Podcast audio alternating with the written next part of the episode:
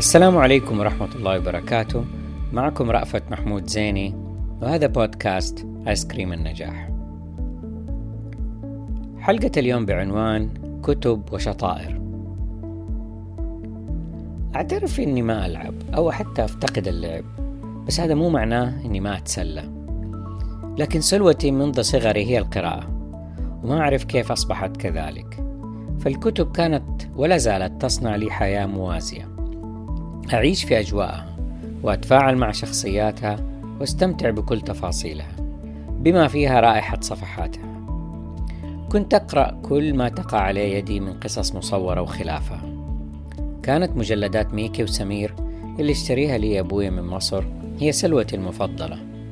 كنت أستغرق في مجلة ميكي وقصص بطوط المعصب وأولاد أخوه الأشقياء توتو وسوسو ولولو وخطيبته الأنيقة زيزي ومحظوظ اللي شايف نفسه. وأعيش مع العم ذهب وقصره الفاخر والجدة بطة وفطائرها اللذيذة. وأحيانا برضو ميكي وميمي ونزهاتهم في الحدائق على الفرشة الكروهات الحمراء والبيضة وسلة الشطائر اللي هي السندوتشات اللي كنت أحاول أقلدها في حوش بيتنا. الفرق إنه بدل ميمي وأختي وأخويا اللي يخربوا الأجواء فضلا عن عدم وجود نفس لون الفرشة. كانت تلك الأجواء تدفعني للانطلاق إلى المطبخ. أحاول أسوي سندوتشات تشبه سندوتشات التوست المثلثة اللي في القصص. لكني كنت أكتفي بصامولي وجبنة كاسات لأعود وأغوص من جديد في تلك العوالم بشخصياتها الساحرة وأبطالها الخارقين. فكنت كنت أقرأ قصص سوبرمان المعضّل والوطواط باتمان الثري وسيارته الفارهة اللي تدور في مدينة جرجر ذات المباني الشاهقة. واللي كانت تشبه نيويورك أو شيكاغو لكني ما كنت أعرف عنها هذه المدن شيء وكنت أعتقد أنه الوطواط وسوبرمان عايشين في لبنان. فالوطواط اسمه صبحي وسوبرمان اسمه نبيل فوزي وعدوه اللدود اللي صلع بسببه اسمه صلاح. مع الوقت بدأت أقرأ القصص المكتوبة زي ألغاز المغامرين الخمسة تختخ ولوزة ونوسة ومحب وعاطف والشاويش فرقع اللي كنت أسميه فرقع.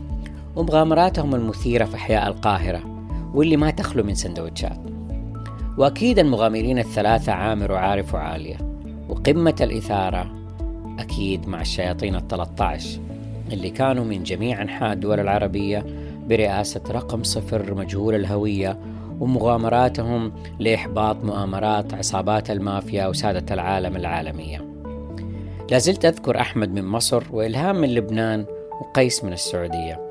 اللي منحني الأمل إني ممكن أصبح زيه وأنضم لفريق خفي في يوم من الأيام.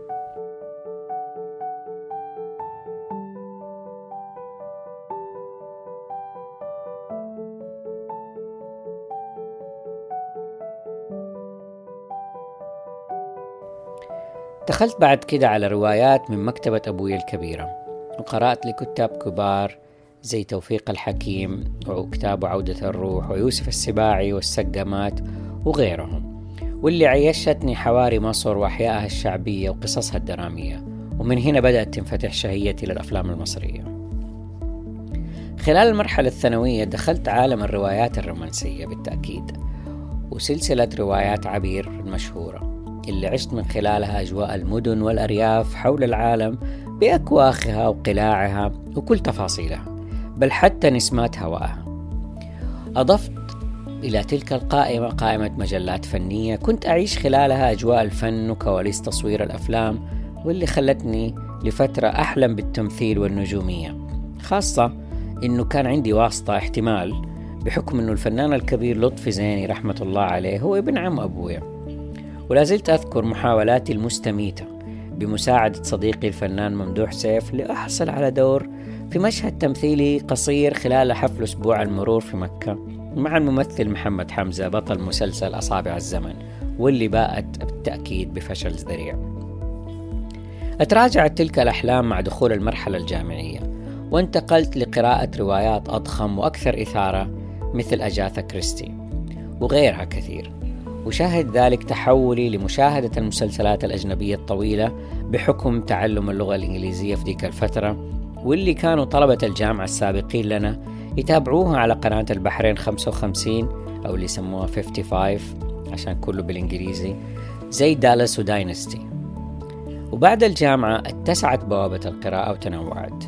لتشمل كتب في تطوير الذات والتنمية والحضارة والإدارة والتقنية والسيرة الذاتية وتاريخ المنظمات الابتكارية. وبالتزامن معها كتب في العلاقات الزوجية وتربية الأبناء في جميع المراحل ومعها كتب الاحتياجات الخاصة وتحديدا التوحد للتعامل مع ابني الوليد معا.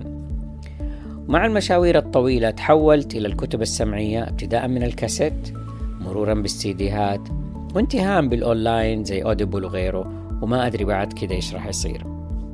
باختصار منحتني القراءة ولا تزال أجواء خيالية حالمة. أحلق فيها وأنا أسوق أو برفقة كوب قهوة حاضرا أو شطيرة لذيذة ماضيا. لدرجة أنه من قلة الحركة والأكل في ديك الفترة صرت كالبوز أو بين قوسين دبة. ولذلك قصة أخرى. نراكم على خير بإذن الله.